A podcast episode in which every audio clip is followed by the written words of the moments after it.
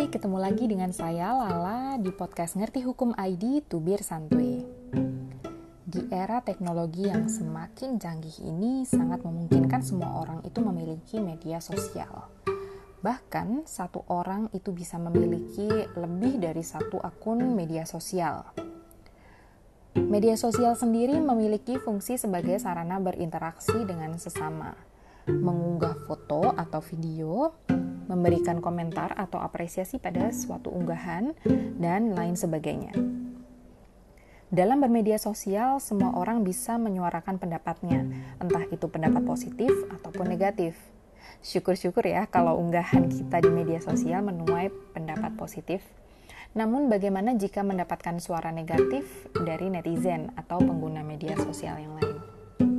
Yap, netizen.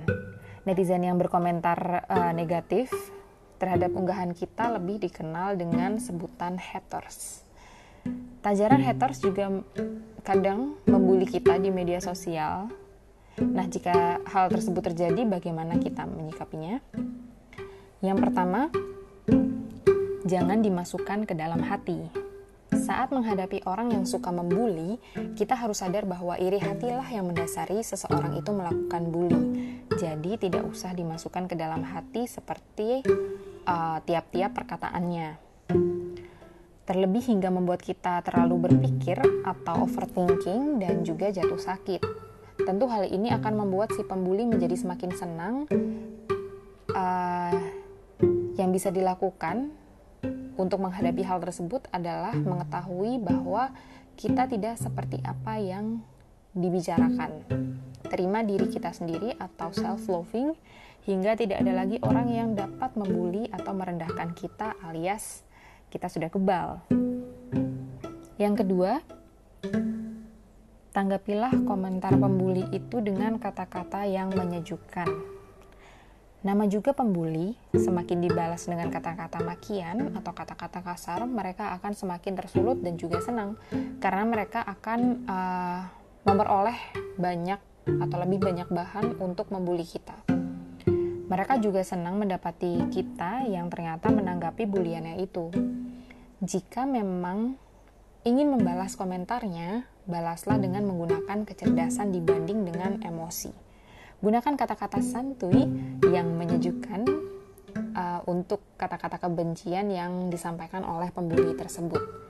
Siapa tahu dari haters berubah jadi lovers. yang ketiga, tidak menghiraukan pembuli. Ini adalah cara paling uh, sederhana bagai pepatah anjing menggonggong, kafilah berlalu. Pada dasarnya tidak ada orang yang betah dicuekin. Ketika kita mendiamkan dan mengabaikan pembuli, maka nantinya mereka akan berhenti sendiri karena ucapan kebencian yang mereka lontarkan itu toh tidak kalian gubris. Lama-kelamaan mereka pasti akan capek sendiri. Yang keempat, blokir. Ini adalah next levelnya menghadapi pembuli. Jika perkataan mereka sudah berada di luar batas wajar dan tidak lagi bisa ditolerir, maka kita bisa memblokir akun mereka. Setelah diblokir, kita tentu tidak akan menerima bulian mereka lagi, dan mereka juga tidak akan uh, bisa melihat apa yang kita bagikan di dunia maya. Terkadang tegas untuk selamatkan diri dari perundungan itu perlu dilakukan dan sah-sah saja menurut saya.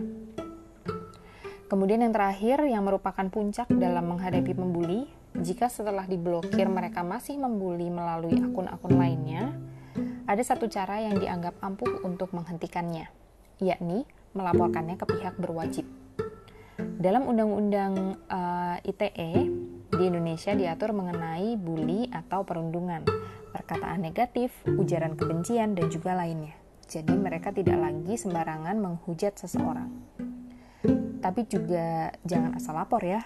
Jangan lupa simpan bukti-bukti perundungan yang kamu terima terlebih dahulu agar laporan yang kamu buat semakin kuat. Demikian podcast kali ini. Jangan lupa kunjungi website dan fanpage di ngertihukum.id dan jangan lupa kunjungi Twitter, Instagram, LinkedIn, TikTok, dan juga YouTube di Ngerti Hukum ID. Sampai ketemu lagi ya.